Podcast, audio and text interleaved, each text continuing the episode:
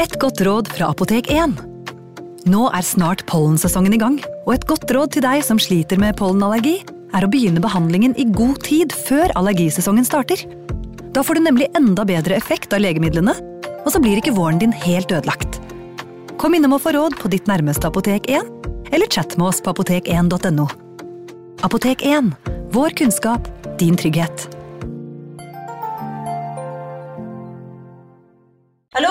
Jeg kommer fra Oslo politikammer. Ine Jansen er purk. Er du purk? The motherfucking bitch. Alt jeg vil, er å finne ut hva som skjedde med mannen min. Jon Carew. Er jeg sikta for noe? Iben Akeli. Det er du. Ole So, Lars Berrum og Big Daddy Karsten. Hvem sin side er du på, egentlig? Anette Hoff, Tone Danielsen, Kommer du fra Afrika? Jørnis Josef, Nesten. Kløfta. Trond Espen Seim, Det er synd å si det, men det var feil mann som døde. Purk. Premiere tirsdag på TV2 Play. Ungsamtalen fra DNB er økonomisk veiledning tilpasset deg som er ung. Bokk en ungsamtale på dnb.no. slash ung. Det er kjempebra hvis du skal inn på boligmarkedet, hvis det er drømmen din, liksom. Det er det du skulle sagt. Og så kunne du ropt litt mer, da, sånn som jeg gjorde. Bam! Advarsel. Historiene vi forteller i denne podkasten kan være fiktive og avvike fra den opprinnelige historien av dramaturgiske årsaker. Meninger og påstander i historiene reflekterer nødvendigvis ikke programledernes meninger eller virkeligheten.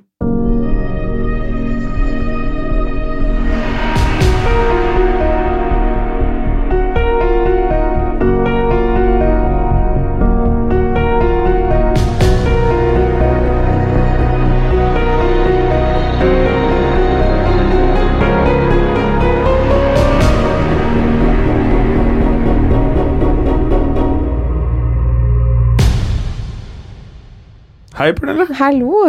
Helloi. Um, vi har hatt litt sykdom i Skrekkpodden. Åh, det har vi. Det er jo jeg som sliter litt med formen, men det er bra denne uken. Ja, Så, så da blir det en pod. da blir det pod. Vi prøvde jo å kanskje ta litt senere neste uke òg, men uh, når man ikke er i form, så er man jo ikke i form. Nei, og det er jo ikke noe å gjøre noe med, så jeg må bare, bare la helsen gå først noen ganger. Av og til så kan det være fornuftig. Ja, ja. Uh, I helgen så Du er jo også litt fotballinteressert. Ja, Metoo. Uh, vi tok faktisk og gjorde om deler av lokalet her til en liten sånn fotballtribune. så gøy. Gøy helt til det hadde gått 42 sekunder, og det ble straffe i kampen. Ja, det var stusslig. Ja, Det var faktisk veldig Ja. stusslig. Og det var en sånn dum straffe. Og det ble så Det var nok straffe. Eh, man skal vel ikke ha armen er ut på bare- den måten. Hvorfor måtte det skje så jævla Liksom, det, det, det tok vekk litt av nerven, da. Ja, det gjorde det, og så ble hele resten av kampen litt sånn halvdøll. Det ville seg ikke. Nei, det ville seg Det bare ville seg ikke, Pernille. Men jeg syns, jeg må si, selv om jeg ikke er noen Liverpool-fan på overhodet, så må jeg jo gratulere, for det var, de fikk jo et mål på slutten der som gjør at de fortjente å vinne. Jeg vet ikke. Nei, ok. Jeg hadde tatt noen pilsner, så Ja. jeg var liksom litt sånn Må grinte. Var du sur på Twitter? Er? Nei, jeg var ikke på Twitter. Nei, jeg, jeg storkoste meg. Sp- eh, drakk uh, Munkholm og spise potetgull. Det var såpass vilt? Ja, det var såpass uh, galskap her under match. Men eh, uh, siden sist så har jo du gitt ut mer True Crime på den. Så Stemmer. folk har jo ikke vært helt sultefòra. Noe har vi da kommet ut med. Ja, og det var jo en episode om Slenderman, så det var vel ikke så Kan ikke ha vært så gærent. Nei, det kan ikke ha vært så gærent. Eh, og i uh, historiepodden så er vi ute med Valentine's Day Massacre. Gøy. Ja, Eller det var jo tragisk, herregud. Ja, er tragisk, men da, da får du litt blod der. Mm. Uh, men nå i dag så har vi jo, mener jeg, da, funnet to kanon-stories. Jeg tror det. Min er mer creepy enn ekkel, kanskje. Ja. Hva vil du si om din? Min er terrifying på godt norsk. Oho. Jeg syns det. Den er eh, Vi har med noen lydklipp som du skal få høre mens jeg eh, forteller historien, som gjør det hele litt mer ekte. Det er jo en sann historie. Det er greit at lytterne får med seg at jeg har ikke hørt storyen din. Jeg vet ikke øh, nødvendigvis så veldig mye. Jeg vet sånn litt om hva du skal prate om, men jeg, jeg kan ikke storyen din. Eh, og du vet ikke noe om min. Nei? Min er en kortere story, Men jeg liker veldig godt avslutningen. Og for meg så er eh, de beste storiesene er de som har en liten sånn twist på slutten. Ja, sånn at du blir holdt i selene helt inn til mål, da. Kult. Hvem skal starte? Eh, du må gjerne starte, du, Jim. Ok, da gjør jeg det. Eh, før jeg starter, så tenkte jeg bare skulle nevne at eh, det er jo utrolig fint å få så mye hyggelige meldinger som vi får på Instagram-kontoen vår. Mm. Eh, det er jo der jeg ferdes eh, mest, mer der enn på Facebooken. Så takk til alle som kommer med utrolig mye gode forslag også, for så vidt. Jeg jeg oppdaget den storyen her gjennom et forslag. Så gøy. Eh, og så må jeg innrømme at noen ganger så får vi så mye meldinger at jeg synes det er vanskelig å holde oversikt. Så til deg som kom med dette forslaget, takk, jeg takker her. Ja. Og ikke på Instaen. Og så får du heller skrive til oss eh, hvis, og fortelle litt om hvordan du syns at vi gjennomførte dette. Eh, og her kan jeg se at vi har fått masse meldinger i dag. Når kommer episoden? Den kommer nå. Den kommer nå. Eh, og utover det, rate oss veldig gjerne på iTunes. Ja. Det er viktig for Skakepoden, det er kult for oss. Eh, fem stjerner er jo helt ok å få. Vi vil gjerne ha fem stjerner, og at dere skriver noe pent. Jeg blir alltid lei meg når vi får det slemt, så sånn er det. Men vi blir veldig glad når vi får noe hyggelig. Det blir vi. Ja, Så skriv veldig gjerne noe hyggelig. Ja. Storyen min går noe sånn som dette, Pernille og dere der ute. Det er så lenge siden, så beklager for det. Jeg har aldri fortalt historien før med alle detaljene, men alt jeg nå skal fortelle, er sant, og det skjedde da jeg var seks år gammel. Hvis du presser øret ditt mot en pute, og det er helt stille i rommet, da kan du høre hjertet ditt. Du kan høre det slå. Som liten så følte jeg alltid at hjerteslagene mine hørtes noe ut som fotsteg. Steg mot teppene i huset. Så hver eneste kveld som barn, idet jeg holdt på å sovne, så hørte jeg stegene. Og ble ofte vekket, og da var jeg vettskremt. Jeg har under hele oppveksten bodd med moren min, i et hyggelig nabolag, men som var på vei til å forandre seg noe. Familier med trangere økonomi var på vei inn i nabolaget. Min mor og jeg var også en av de med trang økonomi. Huset vi bodde i, var av typen man ser som blir fraktet på motorveien gjerne i to deler. Men min mor tok utrolig godt vare på det. Det var masse skogområder rundt huset vårt, hvor jeg kunne leke på dagtid, men om natten, som for barn flest, ble skogen skummel. I tillegg til dette så var det et større område under huset, hvor man kunne kravle under. Dette ga meg masse fantasi. Fantasi om skumle monstre i situasjoner hvor jeg ble fanget under huset. Dette fylte hodet mitt med en rekke fantasier. Og dette var det hodet mitt var fylt med når jeg ble vekket av fotstegene. Jeg fortalte mamma om stegene, men hun sa jeg bare innbilte meg ting.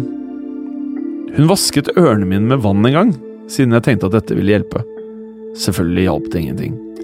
På tross av alt det skumle jeg følte, og fotstegene, så var det eneste merkelige jeg noen gang opplevde, å våkne i nederste sengen i køyesengen min. For jeg pleide jo som regel å ligge øverst. Det kunne jo bare være at jeg la meg nederst etter at jeg hadde vært på do om natten. Dette skjedde en gang eller to i uken, men det var ikke noe skummelt for det. Men en natt, da jeg ikke våknet nederst, så hadde jeg hørt steg, men jeg så for hardt til å våkne av stegene. Da jeg først våknet, var det ikke på grunn av verken steg eller mareritt. Det var på grunn av at jeg var kald. Jeg var veldig kald. Når jeg så omsider åpnet øynene mine, så jeg stjerner. Jeg var i skogen. Jeg reiste meg umiddelbart og prøvde å forstå hva det var som hadde skjedd.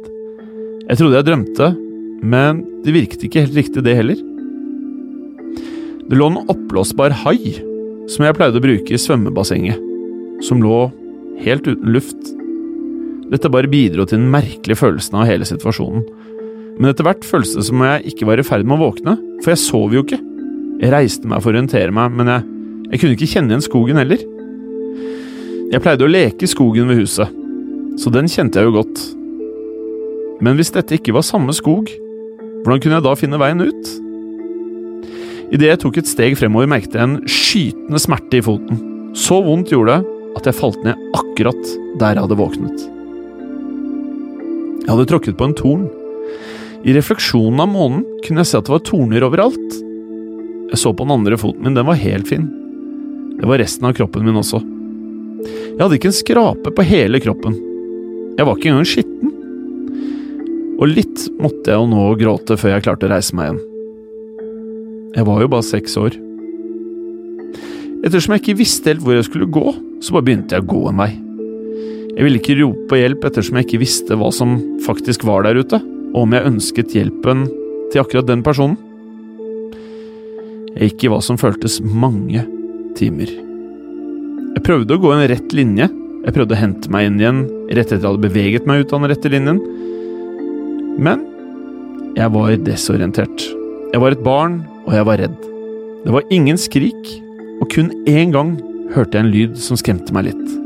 Det hørtes ut som en skrikende baby. Når jeg tenker på det nå, så tror jeg kanskje det bare var en katt. Men panikk fikk jeg. Jeg løp i alle retninger for å unngå de tykke buskene og trærne som hadde falt om. Jeg prøvde å være oppmerksom på hvor jeg gikk, ettersom føttene mine var i ganske dårlig forfatning. Jeg brukte nok for mye tid på å legge merke til hvor jeg plantet føttene mine, og for lite tid på hvor jeg var på vei.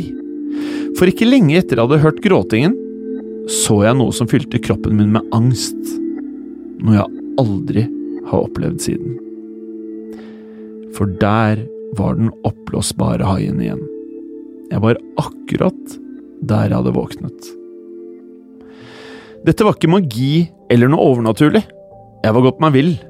Frem til dette tidspunktet hadde jeg vært opptatt av hvordan jeg skulle komme meg ut av skogen og ikke noe om hvorfor jeg faktisk hadde havnet i den. Men nå som jeg var tilbake ved der jeg hadde våknet, begynte tankene mine å vandre. Jeg var ikke engang sikker på at dette var skogen jeg kjente. Jeg hadde bare håpet at det skulle være det. Jeg hadde løpt i en stor sirkel. Ellers hadde jeg bare snudd meg og gått rett tilbake der jeg kom fra. Hvordan skal jeg komme meg ut? Til slutt begynte ting å se mer kjent ut, og når jeg så en grøft der jeg og vennene mine pleide å leke i, forsto jeg at jeg hadde klart å komme meg ut. Takket være at jeg hadde fulgt den stjernen på himmelen som skinte som mest. Jeg beveget meg veldig sakte, ettersom føttene mine gjorde skikkelig vondt. Men jeg var nå så glad for å nærme meg huset at jeg begynte å jogge. Jogget rolig. Når jeg så taket på huset, begynte jeg å løpe fortere. Det stakk over nabohuset, og jeg ville bare komme meg hjem. Jeg hadde bestemt meg for ikke si noe til mamma, ettersom jeg ikke visste hvordan jeg skulle forklare alt som hadde skjedd. Jeg ville bare komme meg hjem, vaske meg og legge meg i sengen min. Hjertet mitt sank idet jeg rundet hjørnet. Da kunne jeg se huset. Alle lysene var på. Da visste jeg at mamma var oppe. Og jeg visste at jeg måtte forklare meg. Forklare hvor jeg hadde vært. Og jeg visste ikke engang hvor jeg skulle starte. Løpingen min ble til jogging, og så ble det til at jeg bare gikk. Jeg kunne se konturen av moren min i gardinene. Og selv om jeg var engstelig for hvordan jeg skulle forklare alt, så til slutt så brydde jeg meg ikke lenger. Jeg gikk opp et steg til terrassen og tok tak i dørhåndtaket og dro i det. Før jeg rakk å åpne døren, kom det to armer som holdt rundt meg og dro meg bakfra. Jeg ropte så høyt jeg kunne. Mamma! Hjelp meg! Vær så snill! Mamma! Følelsen av å være så nærme huset og være trygg, for så bare bli dratt vekk igjen, fylte meg med frykt, som selv etter alle disse årene er umulig å beskrive.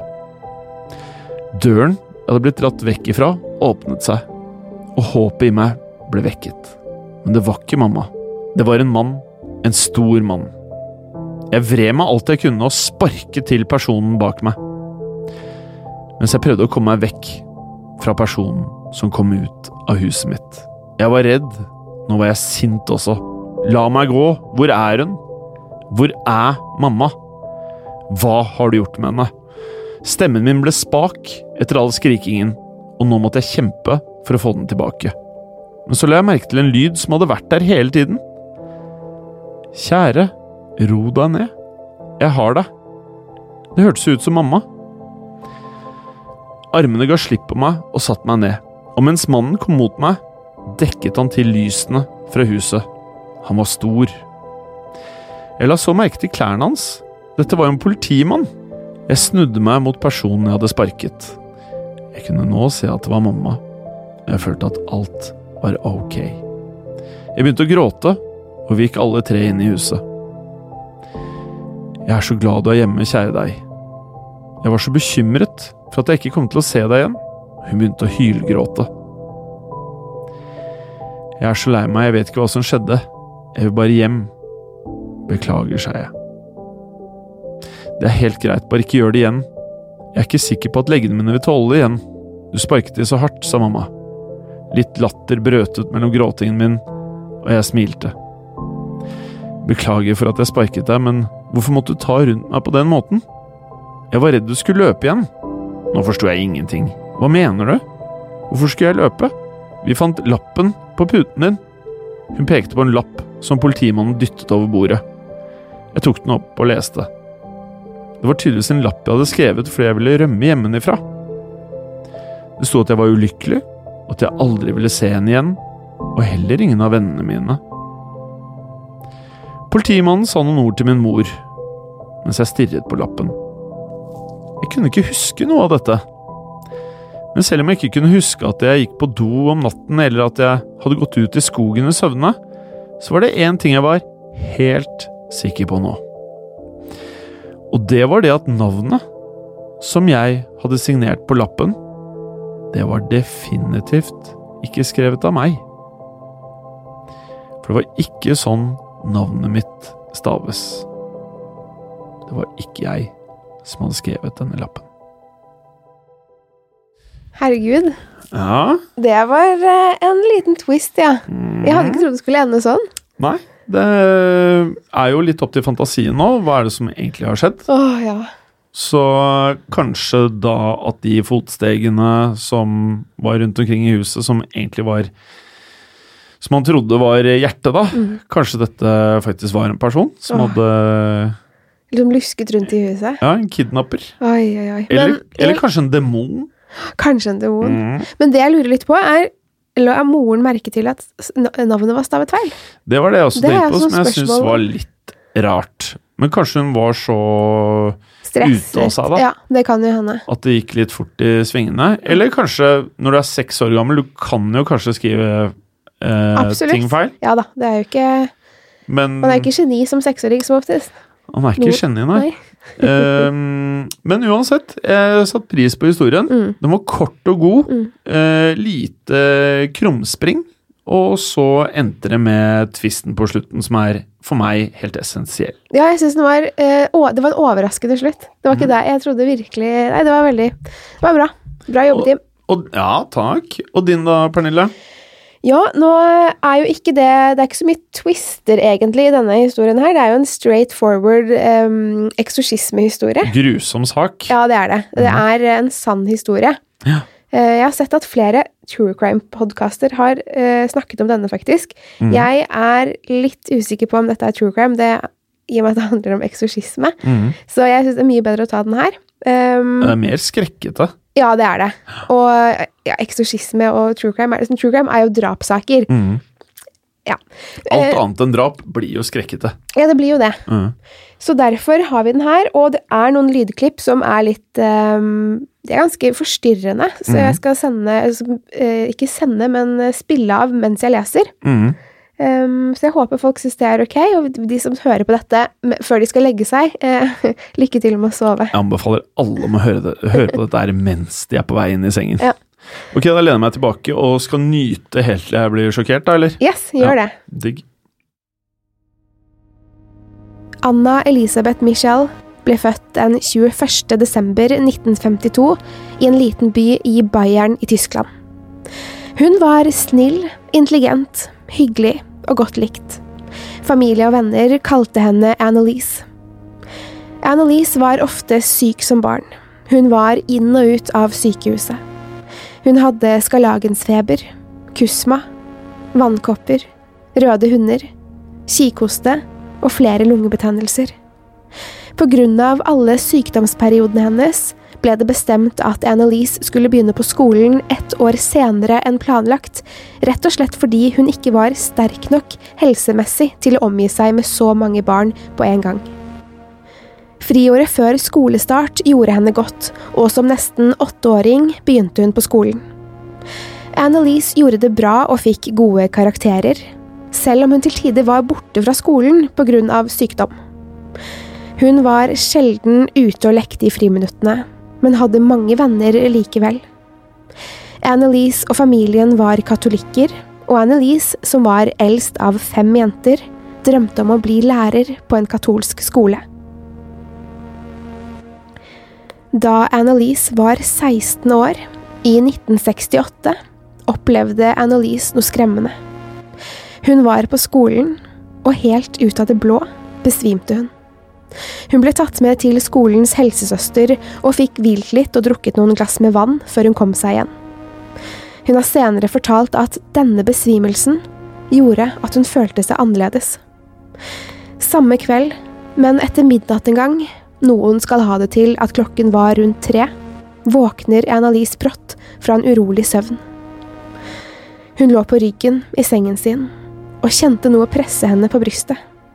Den eller det presset så hardt at hun ikke kunne trekke pusten, selv om hun prøvde. Hun fikk ikke hevet brystet så lungene kunne utvide seg. Hun ble svimmel og trodde hun hørte hviskende stemmer rundt seg, men kunne ikke se noen i det mørke soverommet.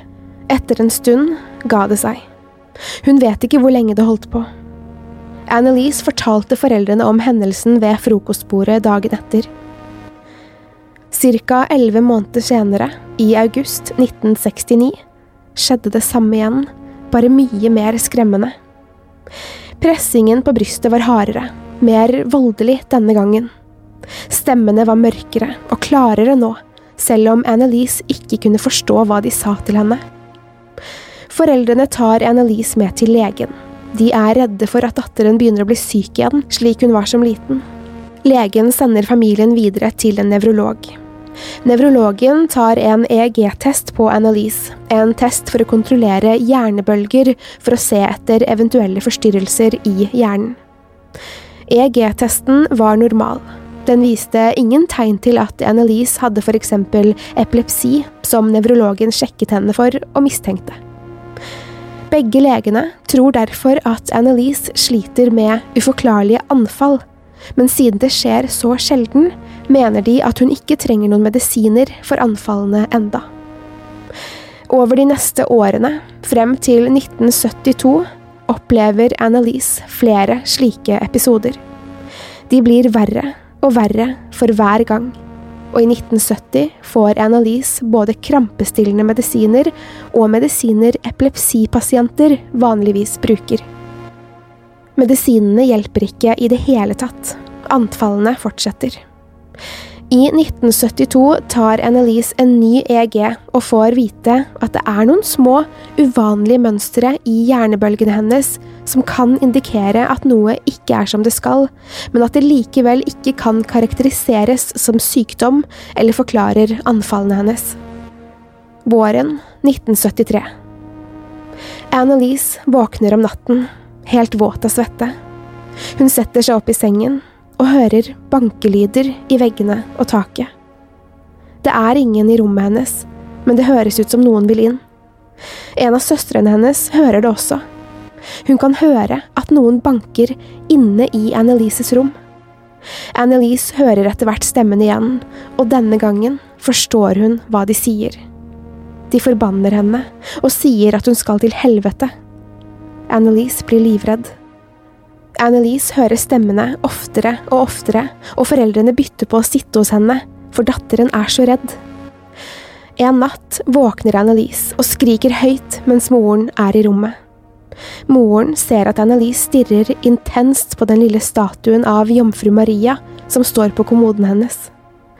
Moren har fortalt at mens Annelise stirrer på figuren, blir øynene hennes helt svarte. En annen gang ser hun skrekkslagent ned på hendene sine og roper. Jeg har sorte hender. Min frelser, tilgi meg. Foreldrene er redde for hva som kan være galt med datteren, og tar henne med til nevrologen igjen. Annelise forteller om stemmene i rommet om natten, og demoner som står over henne og snakker til henne. Ansiktene deres er bleke, smale og hule. De stirrer henne rett inn i øynene, og hun klarer ikke se bort. De skriker på henne, med stemmer som høres ut som de er fra avgrunnen. Hun forteller at det lukter brent kjøtt i rommet om natten under disse opplevelsene, en lukt både foreldrene og søstrene også kjente. Når Annelise og foreldrene forteller dette, ber nevrologen, ifølge foreldrene til Annelise, dem om å kontakte en prest. Han mener at det ikke er noe som kan gjøres medisinsk, men at det må hellige makter til for å hjelpe Annelise. Hun sendes likevel til en psykiater som mener Annelise er nevrotisk og mulig epileptisk, og setter henne på sterkere epilepsimedisiner. I 1973 kommer familien i kontakt med pater Alt, en prest i den katolske kirke. Han vurderer Annelise, men mener de må vente med en eventuell eksorsisme til det er klart hva de står ovenfor. Juli 1975 Annelise blir verre og verre. Hun sover ikke, og moren forteller senere at på denne tiden ble hun fysisk kastet ut av sengen sin, ned på gulvet, hvis hun prøvde å sove eller slappe av. Annelise blir så lei og redd av dette at hun til slutt begynner å ligge på gulvet. Men hun sov ikke. Hun spiste kun edderkopper og fluer hun fant på gulvet, nektet å ta til seg vanlig mat. Annelise ødelegger bilder og figurer av jomfru Maria, og knuser eller brekker krusifikser. Hun vil ikke se på eller ha noen hellige gjenstander i nærheten av seg. Selv om Annelise er blitt veldig tynn, har hun en umenneskelig styrke, og klarer å dytte alle vekk fra seg med voldsom kraft så de smeller i veggen eller gulvet. Pater Alt setter familien i kontakt med en eksorsist, også fra den katolske kirke, pater Rodevik. Han og en annen eksorsistekspert, pater Rentz, tar på seg jobben. Annelise er besatt av djevelen, og en eksorsisme må til. Den første eksorsismen skjer den 24. september 1975. Pater Rentz gjør opptak av eksorsismene utført på Annelise. Disse opptakene finnes fortsatt. Det er i alt 42 stykker. Jeg skal spille av tre av dem for dere nå men jeg vil advare dere mot hva dere nå skal høre. Opptakene er ganske forstyrrende. De høres voldsomme ut, og de er helt ekte. Det er ingen skuespiller med. Det er Annelise dere hører. Det som er litt rart i opptakene, er at Annelise er en ung jente når dette blir tatt opp. Men legg merke til hvor mørk stemmen hennes er. Den høres ikke ut som en jente eller kvinne nesten som en mann. Både Annelise og pater Rentz snakker naturlig nok på tysk, men et av klippene har jeg oversatt for dere. Første klipp kommer her. Ich bin Nero. Ich bin der dritte im Bunde. Noch mehr.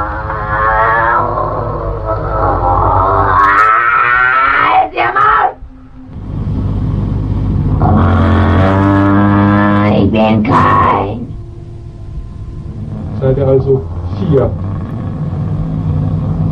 Hitler? Hitler ist gelogen. Sage es deutlich. Im Namen Jesu und im Namen Mariens. Im Namen des Vaters und des Sohnes und des Heiligen Geistes. Ja, ich bin auch hier. Hitler.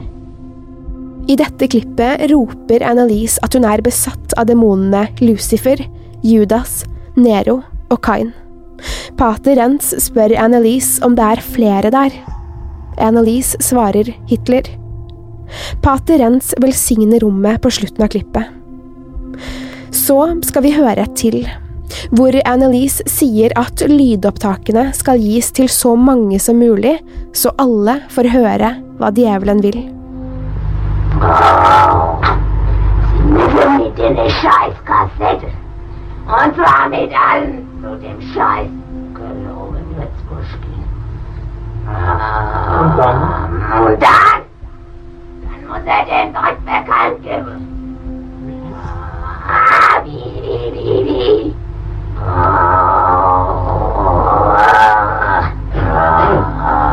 Flüstere. So, dass an die meisten Leute rankommt. Kapiert? Det siste klippet er det mest brutale, og et av de siste lydklippene som ble gjort. I dette klippet er Annelise så voldsom og sterk at hun må holdes nede av flere personer og lenkes fast til sengen sin.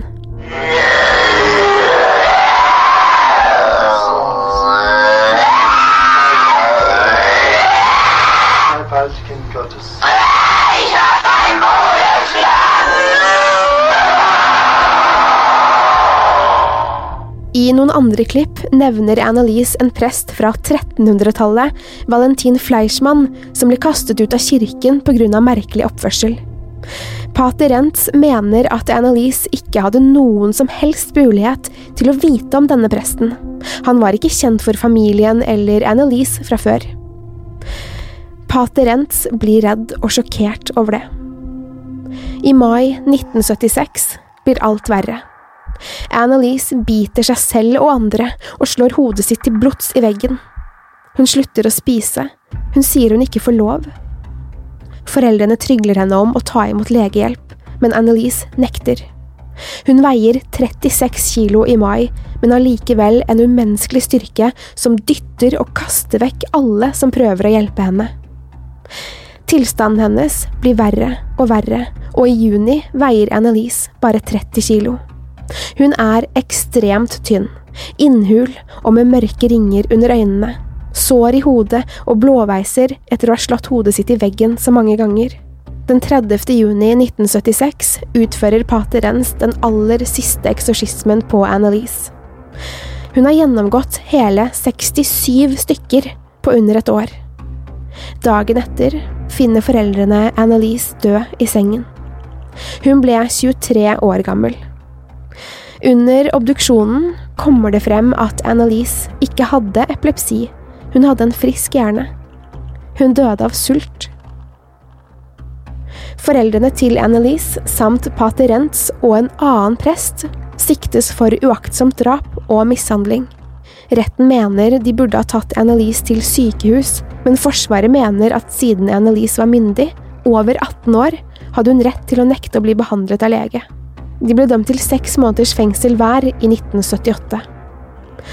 Men hva skjedde med Annelise? Var hun syk, eller ble hun besatt av djevelen? Ja, Jim?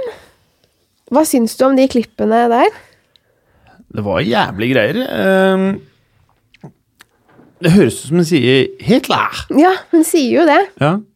Eh, hun mener jo at Hitler også er eh, For det er jo denne pater Renz, han stiller jo noen spørsmål under dette som han hører. Det er ikke så lett å høre hva de sier og forstå. Men han spør jo hvem er det som er der, for hun har jo nevnt disse Nero, Kain, Judas, Lucifer, som er noen kjente erkeengler og demoner, tydeligvis. Og så nevner hun Hitler, og det er jo litt merkelig. Mm. Men um, uh, ja. Og så er det noe med uh, den røsten hennes. Det virker som hun kommer sånn dypt ned i magen. Ja. Sånn, Og tenk at dette er en, en liten uh, dame på Hun er jo noen og tjue. Ja. og Hun er jo 30 kilo, så det er jo ikke, det er ikke mye kraft i henne egentlig, men likevel så høres hun sånn ut. Så det er nesten skummelt. Mhm. Uh, du har sett disse filmene? Altså, det er jo bare lydopptak. Ja, men du har sett, du har sett selve filmene 'Eksorsisten'? Ja, ja, absolutt. Mm. Og eh, den filmen eh, The Haunting of em Nei, The Exorcism of Emily Rose, mm. det er jo basert på Annelise. Ja, ok. Så det er eh, Det er vel kanskje flere som er eh, Men nå husker jeg ikke når den første Eksorsistfilmen Den kom vel kanskje på 70-tallet, den, så den er vel ikke helt gjort.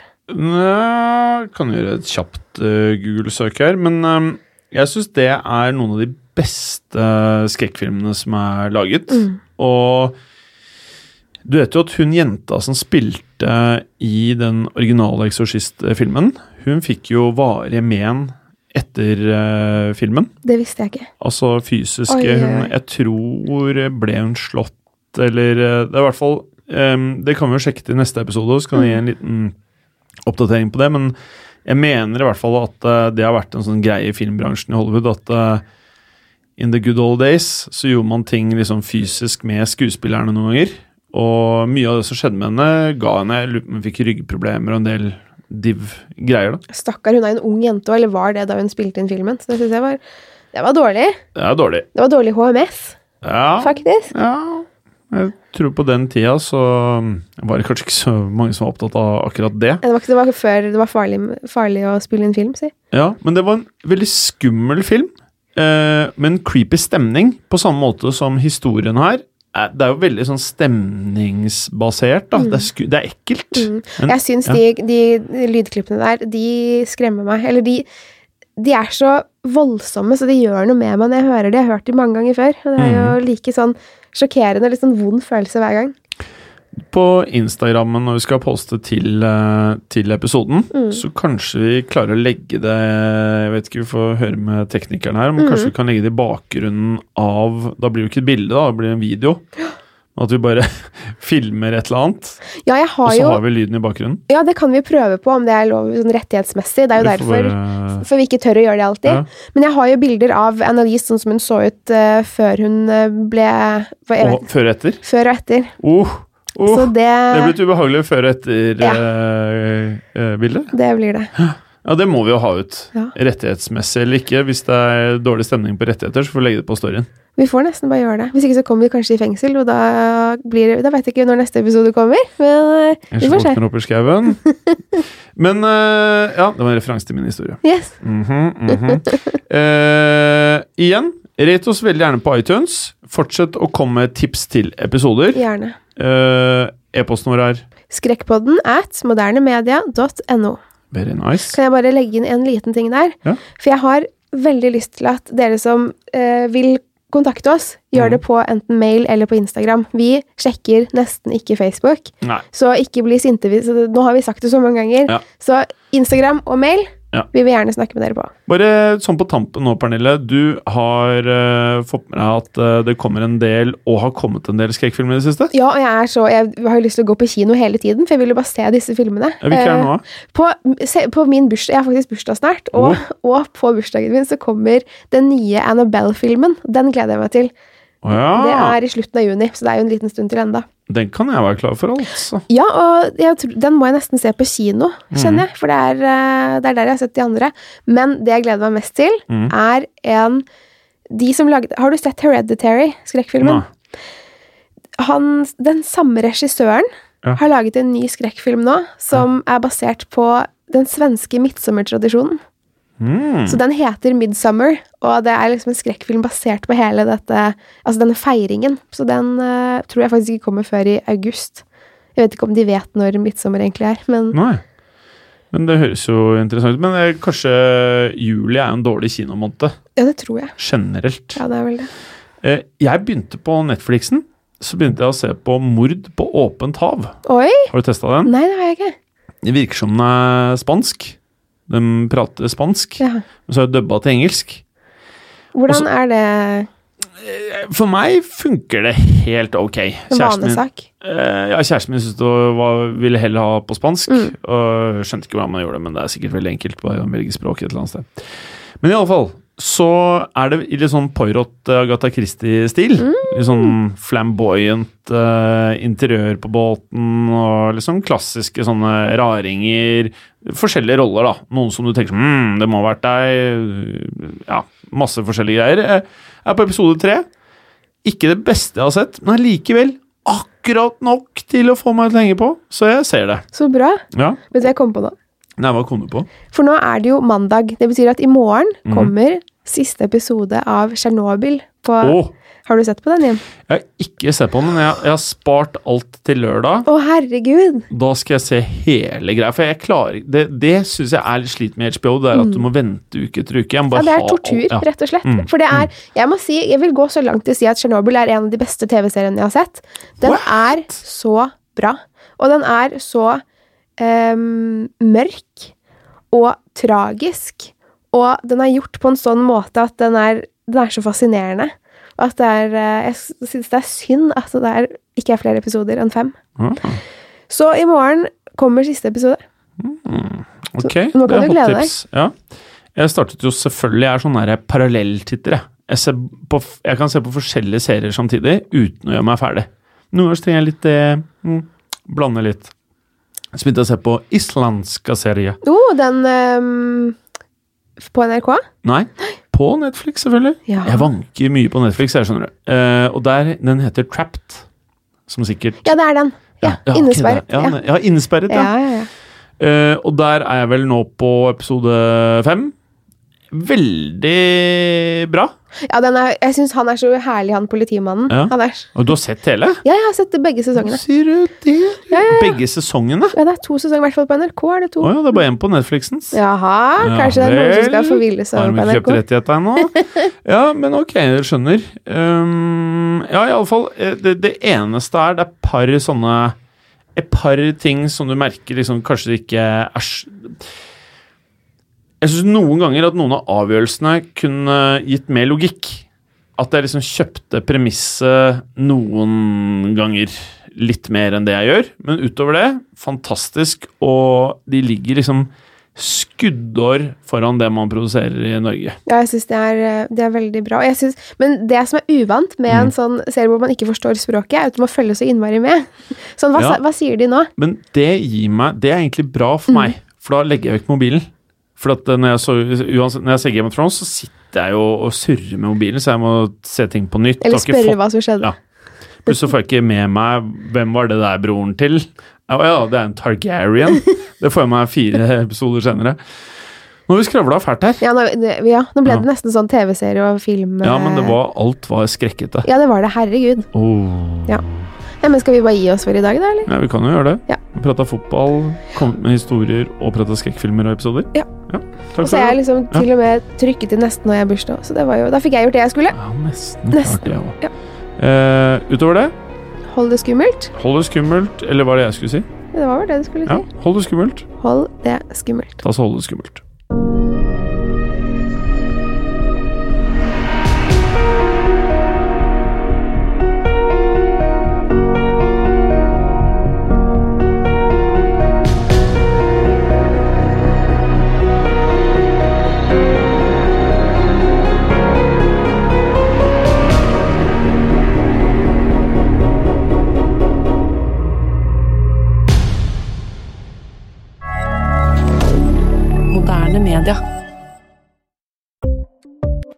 Ukens annonsør er Folio, en smartere banktjeneste for deg som har en egen bedrift eller ønsker å starte for deg selv.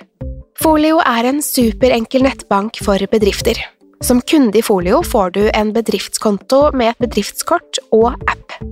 I denne appen er det smarte løsninger som forenkler regnskapet ditt, uansett om du har en liten bedrift eller et enkeltpersonsforetak. Folio er både intuitivt og brukervennlig, og er laget med et enkelt språk. I tillegg tilbyr de forutsigbare priser og ingen skjulte gebyrer. Skulle du likevel trenge det, så kan du snakke med deres raske og hyggelige kundeservice, og der får du prate med en faktisk person og ikke en chatbot. Folio er med andre ord både enklere og koseligere enn banken. Over 10 000 bedrifter har allerede valgt Folio som sin banktjeneste, så besøk folio.no og se hvordan Folio kan forenkle din hverdag også. Har du et enkeltpersonforetak eller en liten bedrift? Da er du sikkert lei av å høre meg snakke om hvor enkelt det er med kvitteringer og bilag i fiken, så vi eh, gir oss her, vi. Fordi vi liker enkelt. Fiken superenkelt regnskap. Kiwi er billigst i VGs matbørs og har vært billigst i fire av de fem siste VGs matbørser. Og nå presser vi prisene på frukt og grønnsaker. På 200 gram broccolini setter vi prisen til 24,90. På 400 gram Cevita blåbær setter vi prisen til 49,90. Og husk, alle Kiwi Pluss-kunder får i tillegg 15% trumfbonus på all fersk frukt og grønt. For det er vi som er prispresserne. Og vi i Kiwi gir oss aldri på pris.